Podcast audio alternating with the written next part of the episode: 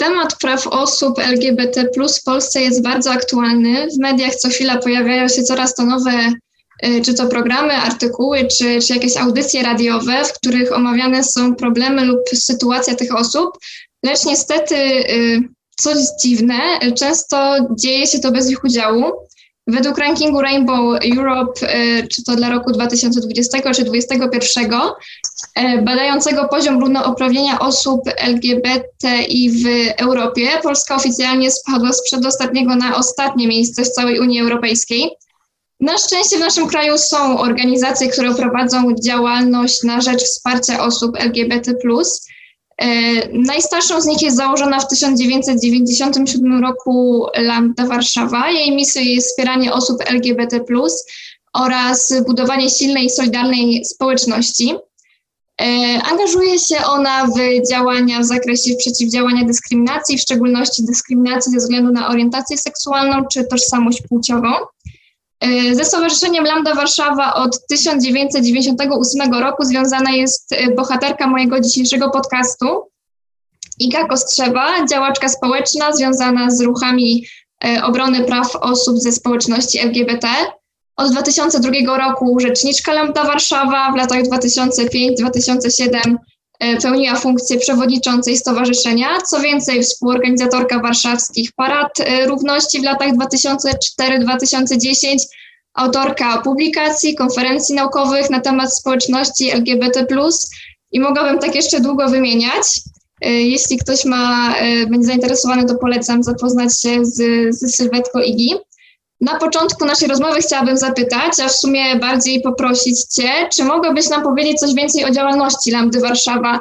Jak wcześniej powiedziałam, y, prowadzicie działalność na rzecz wspierania osób LGBT, więc czy mogłabyś nam przybliżyć, w czym to wsparcie się przejawia, czym się zajmujecie, jakie projekty prowadzicie?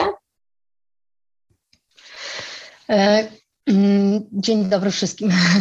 E, więc jeśli chodzi o, o, naszą organizację, to wygląda to w ten sposób, że prowadzimy bardzo, bardzo szereg różnych aktywności.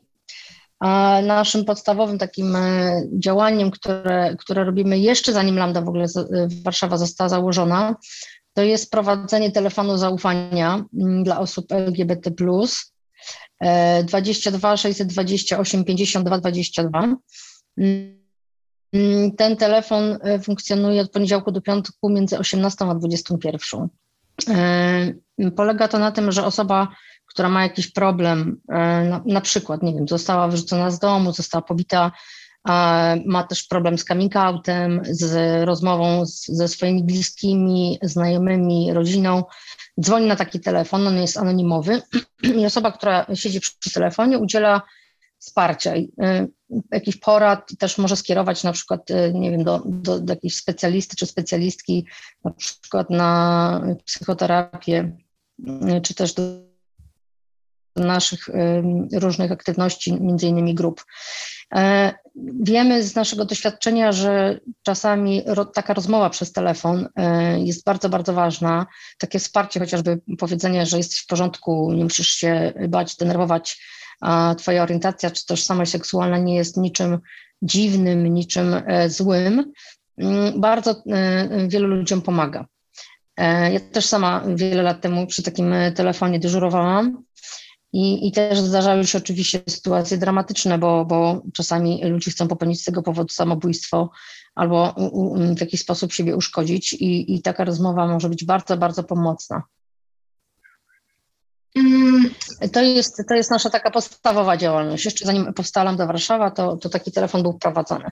E, oprócz tego przez te całe lata naszej aktywności, a w przyszłym roku będziemy obchodzić 25-lecie działania, prowadziliśmy szereg, szereg różnych, e, różnych działań. Mm, mm, na dziś to wygląda tak, że prowadzimy bardzo różne grupy spotkaniowe na przykład, nie wiem, dla osób B, dla, prowadziliśmy też dla, dla rodzin y, jednopłciowych z dziećmi, prowadzimy też grupę seniorską, grupę dla osób, które przy, przyjechały z Ukrainy, to jest też taka połączona ukraińska, ona miała być zamierzenie ukraińska, ale też są osoby tam na przykład z Białorusi. Prowadzimy też um, na przykład terapię, dla osób potrzebujących, y, poradnictwo prawne, wsparcie psychologiczne. Wszystkie nasze, nasze projekty są u nas na stronie www.lambdawarszawa.org wymienione.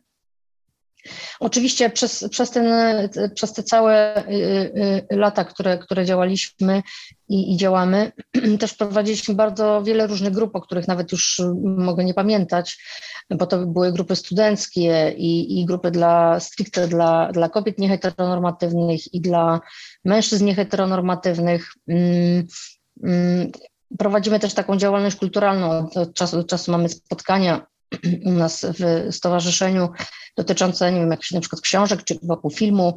E, bodajże wczoraj było spotkanie filmowe. Oczywiście w, w czasie pandemii e, dużą część aktywności przenieśliśmy, większą nawet do, do online'u i te spotkania odbywają się poprzez różnego rodzaju platformy zoomowe czy, czy, czy tego typu.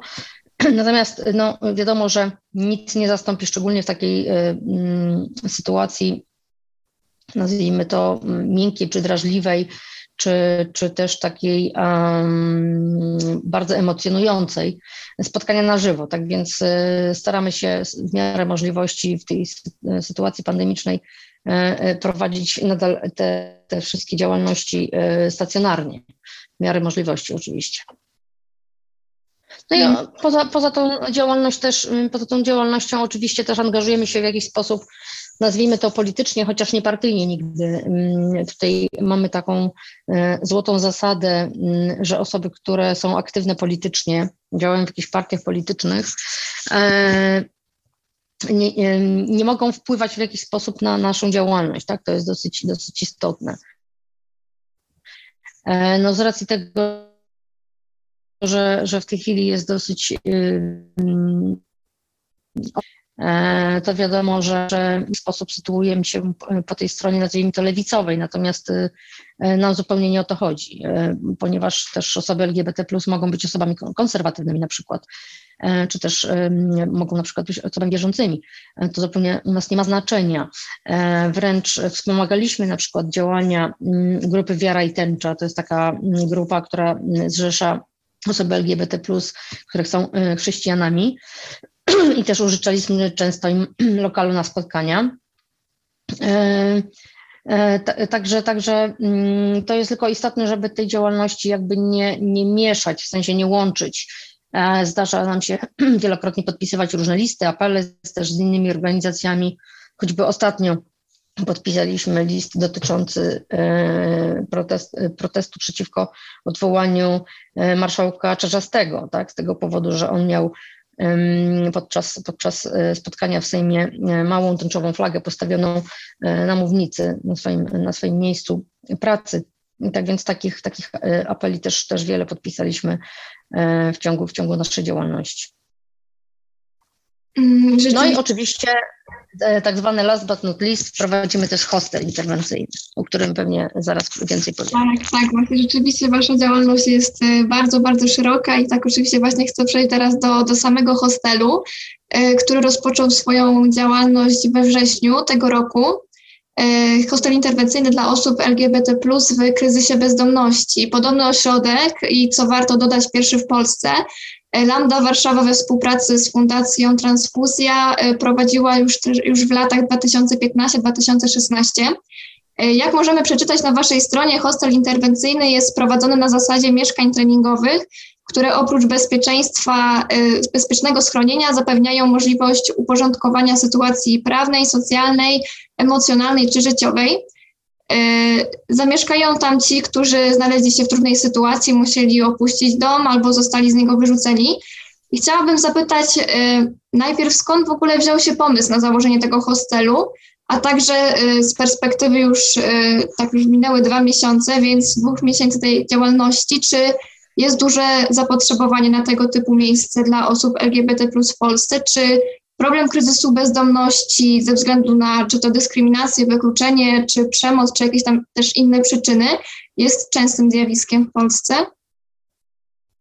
E, więc jeśli chodzi o, o hostel interwencyjny, to mm, wymyśliliśmy go, ponieważ y, widzieliśmy, że takie placówki są na przykład w Stanach Zjednoczonych i, i dosyć prężnie działają, ale też y, na zachodzie Europy i podjęliśmy się pomysłu prowadzenia takiego hostelu w 2015 roku, bo wiedzieliśmy, że, że jest dla wielu osób trudna sytuacja i że to jest potrzebne.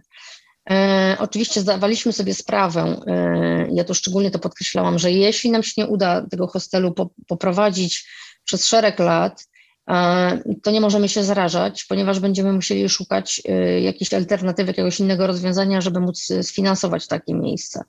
Jak wiadomo, to wszystko kosztuje, a, a mm, nie mamy y, naszych zasobów tak y, bardzo y, dużych, jakie byśmy chcieli, żeby coś takiego prowadzić na stałe.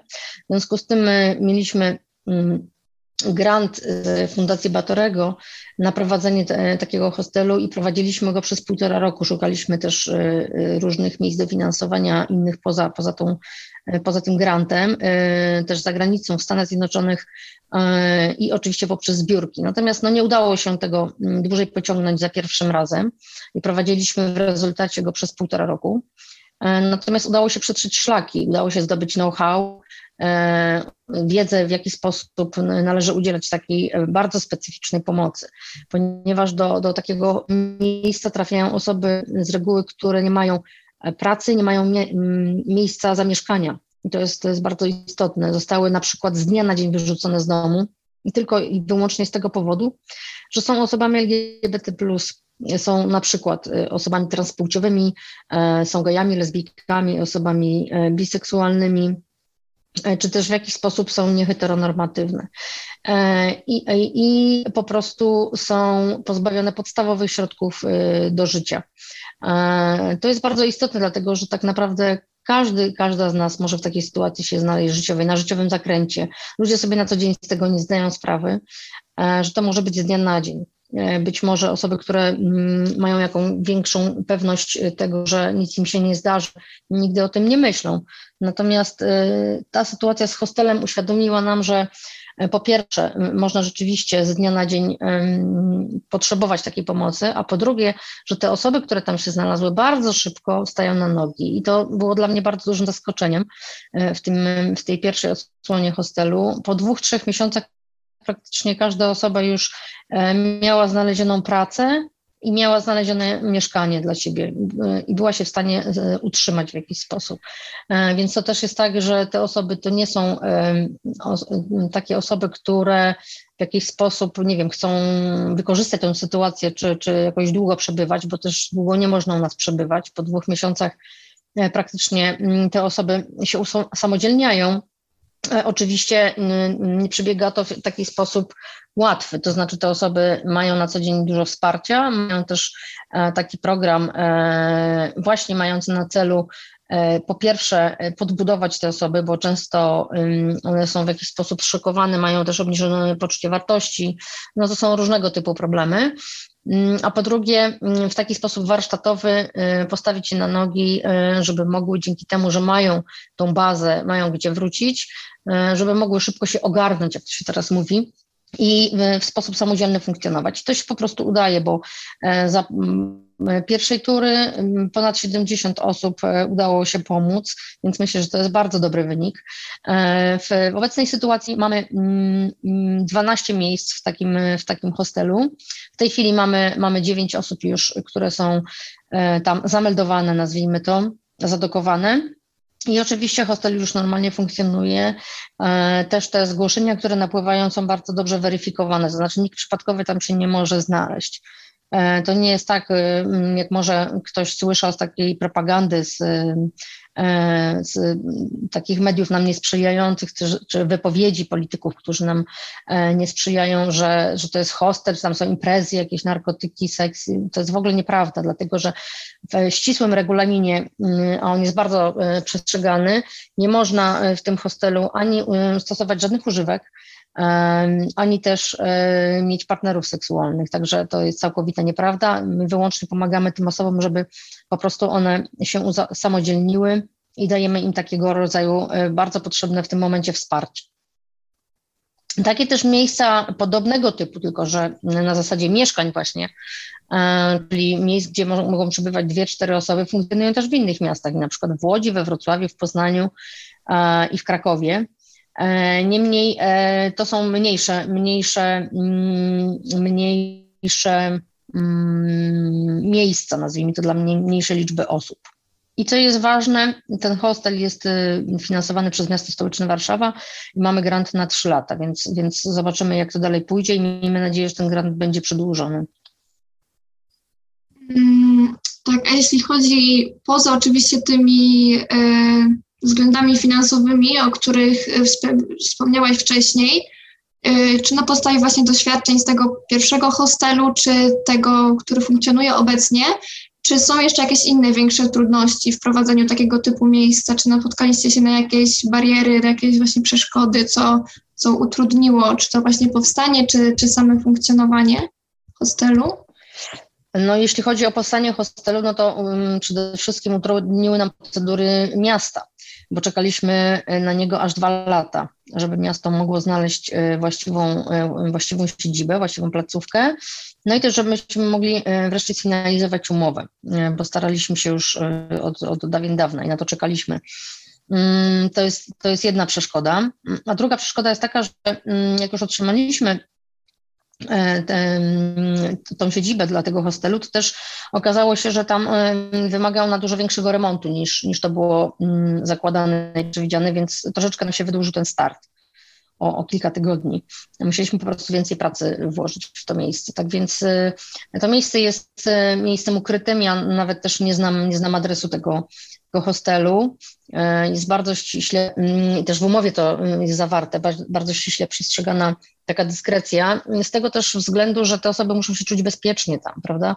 Bo one są po jakichś przeżyciach, po traumach e, i to by było bardzo, bardzo e, niedobre dla nich, gdyby coś im się stało, choćby mm, z punktu widzenia naszego stabilnego życia, e, takiego małego dramatu, tak? To sobie się mogło byłoby szybko uciec wręcz. Mm, gdyby ktoś, nie wiem, próbował na przykład y, w jakiś sposób ten hostel, nie wiem, zaatakować, czy, czy przyjść robić zdjęcia, czy cokolwiek y, równie mm, y, niebezpiecznego dla tych osób. Dlatego, dlatego mm, tylko niewiele osób, te, które pracują, znają adres i i w ten sposób możemy się uchronić przed jakimiś niepotrzebnymi e, zamieszkami, czy, czy taką niepotrzebną ciekawością też czasami.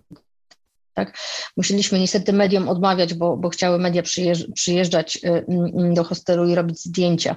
Zgadzamy się na takie wywiady z osobami, które tam przebywają, tylko i wyłącznie za pośrednictwem e, koordynatora hostelu, który zapyta osoby, czy chcą na przykład udzielić jakiegoś wywiadu, czy anonimowo, czy też ze zdjęciami, natomiast y, nie wpuszczamy w ogóle mediów do środka, wszystko się odbywa mm, bardzo pod ścisłą kontrolą tutaj. Mhm. Wspomniałaś e, wcześniej o niskim poczuciu wartości przez właśnie osób LGBT w przypadku, gdy właśnie e, są w kryzysie bezdomności, tak, e, czy mają jakieś inne problemy. I chciałabym tutaj przejść do, do, do zjawiska, do takiej pojęcia stresu mniejszościowego, czyli takich uwarunkowanych społecznie, specyficznych dla określonej grupy takiego podwyższającego ryzyko wystąpienia czy jakichś objawów depresyjnych, czy, czy lękowych, czy jakichś właśnie uzależnień. I czy osoby LGBT w Polsce często cierpią na, na stres mniejszościowy i jeśli tak, to co się na to składa, że, że taka osoba może odczuwać taki stres? Jakie mogą być tego źródła? To jest tak, że należy sobie po prostu w jakiś sposób wyobrazić, co może być trudne dla osób y, heteronormatywnych, jeżeli przez e, bardzo długą część życia, czasami całe życie, czasami e, większość życia, mm, bardzo często, prawie codziennie słyszy się różnego rodzaju wypowiedzi, na przykład, nie wiem, z ust polityków czy osób w mediach, czy też nawet, nawet osób postronnych zupełnie, nie wiem, sąsiadów z, róż, z różnych otoczeń, z pracy, ze szkoły, e, że, że e, na przykład twoja orientacja jest chorobą, ty musisz się leczyć, musisz iść na terapię, a musisz normalnie, w cudzysłowie, e, zacząć funkcjonować, kochać nie tą osobę, którą sobie wybrałeś, wybrałaś do życia, E, I, I, tego typu komunikaty się dosyć często pojawiają. No, ja nie wspomnę już o ostatnich latach, kiedy jest taka polityczna e, i partyjna w zasadzie nagonka na, na osoby LGBT, gdzie słyszeliśmy wielokrotnie z ust e, polityków, że LGBT to nie są ludzie, to jest ideologia. Mamy teraz od, od, od dwóch lat szalejące te, te ustawy, które czy uchwały, które funkcjonują w jednej trzeciej powierzchni Polski, tak zwane e, strefy wolne od LGBT, e, które de facto polegają na tym, że po prostu podejmuje się jakieś działania, jakąś uchwałę, mające na celu ochronę tak, e, tak zwanej normalnej rodziny, czyli tam są wpisane zasady takie, że tylko i rodziny wyłącznie złożone z kobiety, mężczyzny i dziecka na przykład coś mogą albo, czego, albo a inne nie mogą.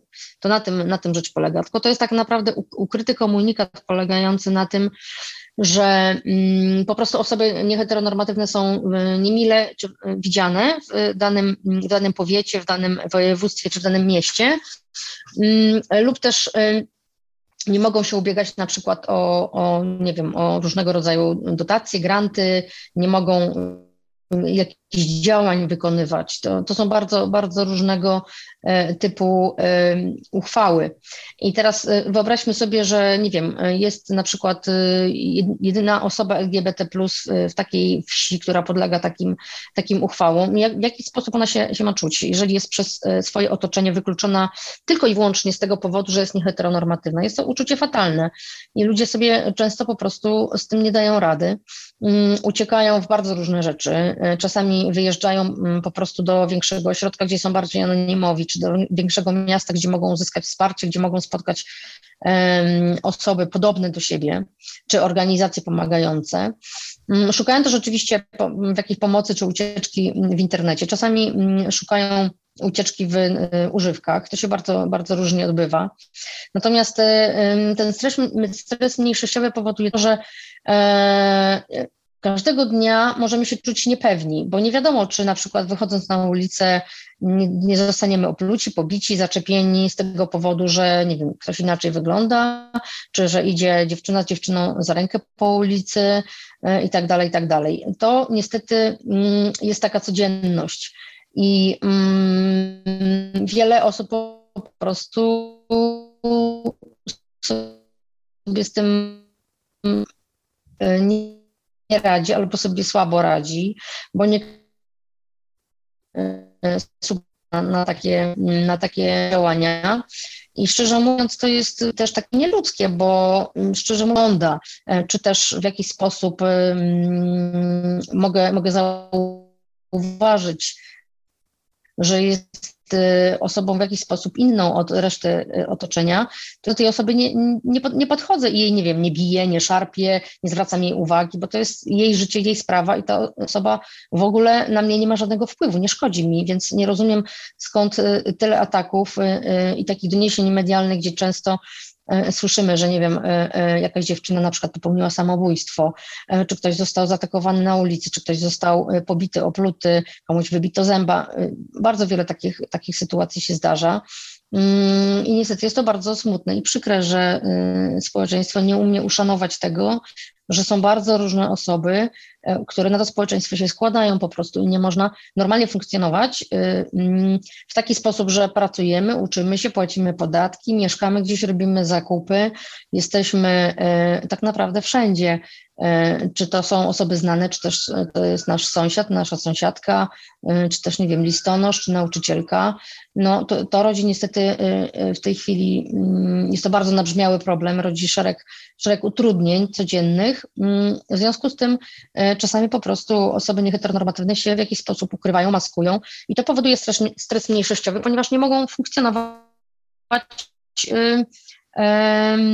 w sposób y, bezpieczny po prostu na co dzień. I z tego powodu właśnie są e, tak jakby obciążone e, tym stresem mniejszościowym, z którym bardzo różnie można sobie radzić albo nie radzić.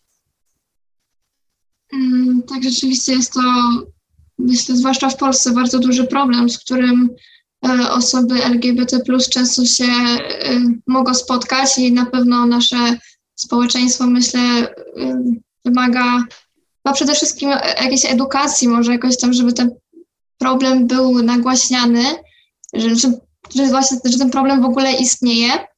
I, I fajnie właśnie jakby to jakoś można było do tych osób dotrzeć i, i żeby pokazać im, że że to, co robię, jest złe i może kogoś krzywdzić.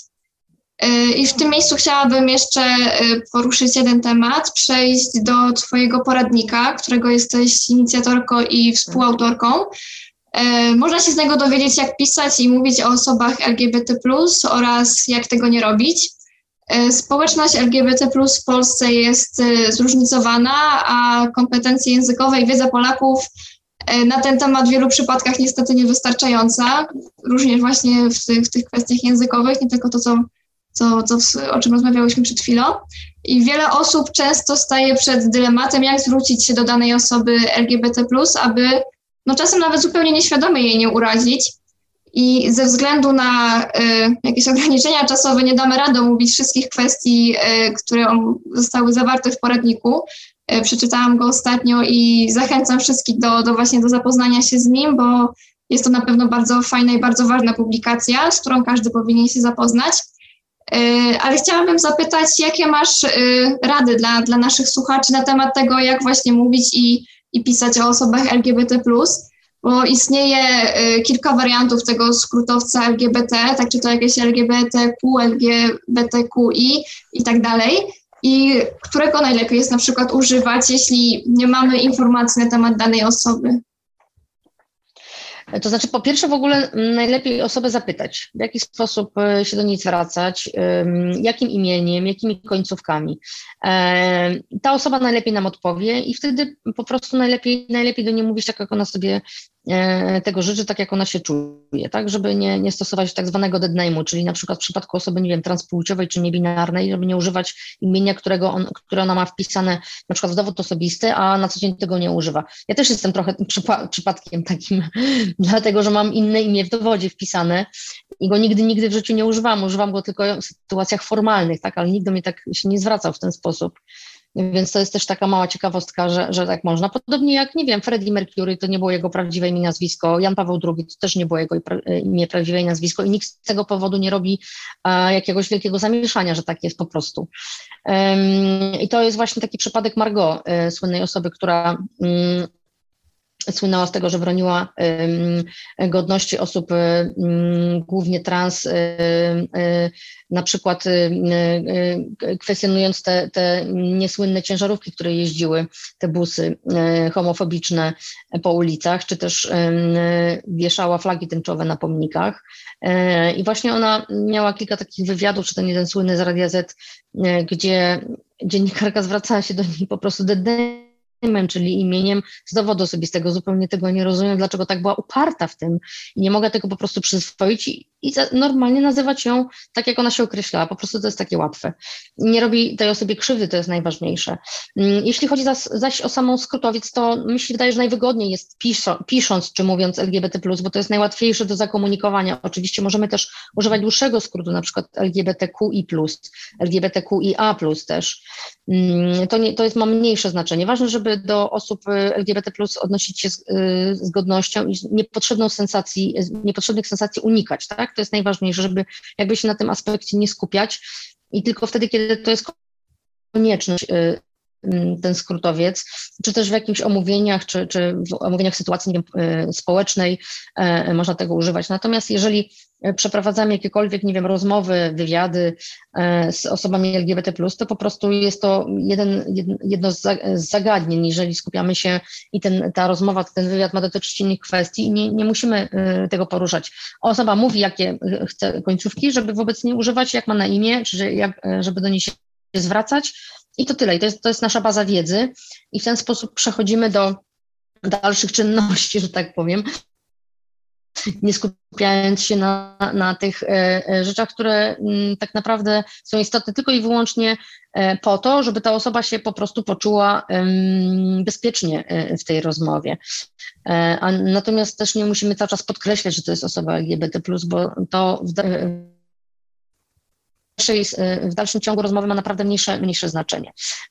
Ten poradnik napisaliśmy właśnie po to, żeby zebrać te wszystkie informacje, które są niezwykle e, takie podatne na zmiany. Jest bardzo dużo nowości. E, tak naprawdę to wydanie to jest wydanie drugie w tej chwili, które, które to mm, wydrukowaliśmy.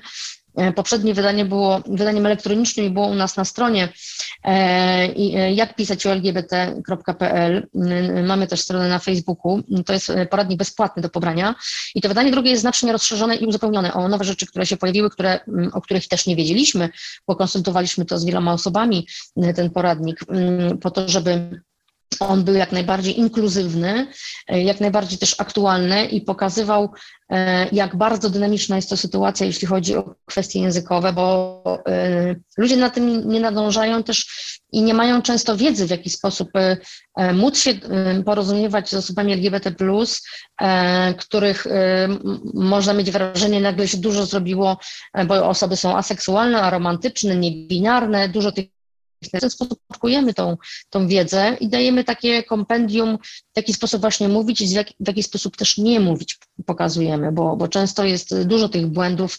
Ja na nie zwracam szczególną uwagę w różnej komunikacji, w, w mediach i też staram się do tych osób, które publikują jakieś artykuły, pisać właśnie o tym, że jest poradnik, żeby się zapoznały e, i żeby unikać tych błędów. I też w taki sposób chcemy to zakomunikować mm, przyjazny. To znaczy nie krzyczymy na te osoby, nie stosujemy jakichś ostrych kryteriów, bo wiemy też, że jest bardzo słaba edukacja, jeśli o to chodzi. I tak naprawdę ludzie się w tej chwili dowiadują z internetu, a nie ze szkoły, a nie z innych źródeł, e, gdzie powinny się dowiadywać w jaki sposób to, ten język funkcjonuje i też można też to potraktować jako ciekawe zabawy słowne, ponieważ język, jak wiadomo, się rozwija, on się zmienia cały czas. On nigdy nie stoi w miejscu. Jest, mamy w tej chwili tych młodzieżowych słów roku bardzo dużo, z roku na rok ich przybywa. I to też pokazuje, jak e, język jest e, zmienny i w jaki sposób jest e, taki fleksyjny, ciekawy.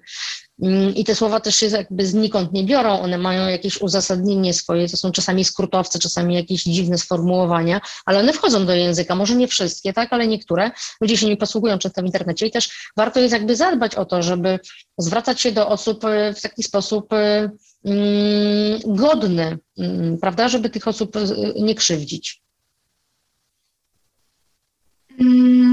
tak, właśnie to to, co powiedziałaś, że ta edukacja jest może właśnie wciąż niewystarczająca i nawet chyba nie może. Y, brakuje tego czy, czy w szkołach, czy na, na, na dalszych etapach.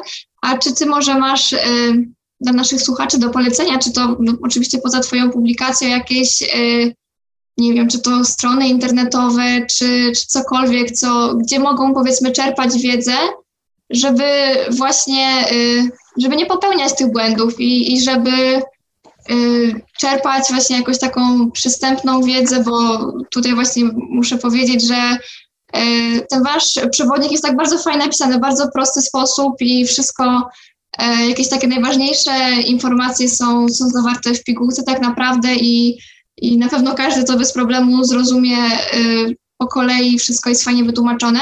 A czy właśnie jest jeszcze coś, co, gdzie można właśnie zajrzeć nie wiem, blogi, cokolwiek, co mogłabyś polecić y, do przeczytania, do, do zobaczenia?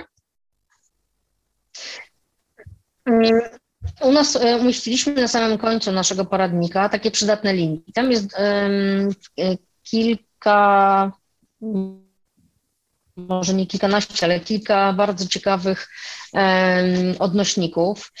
E, na przykład, bardzo bym mogła polecić um, coś takiego, co się nazywa zainki.pl.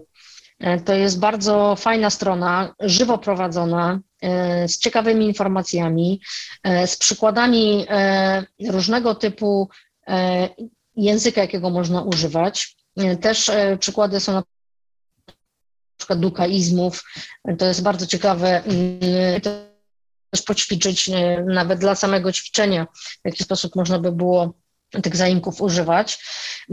Tam jest na tej stronie dużo, dużo ciekawych opisów, e, jest słownik terminologii queerowej, więc polecam, e, ona jest bardzo sprawnie i fajnie prowadzona ta strona i też przy okazji ładne wizualnie, więc, więc e, to jest czysta przyjemność, żeby ją móc przeglądać. Mm, tam jest też manifest niebinarnej polszczyzny na przykład się znajduje, więc, więc tutaj zamieściliśmy aż dwa, dwa odnośniki z, tego, z tej strony.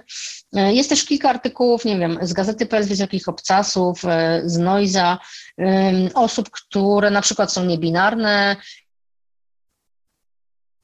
innych osób LGBT+, które mają namysł, bo to jest ważne, żeby bić ten temat, tylko jednak do kogoś mówi. No nie, dla ludzi to jest, to jest często ważne.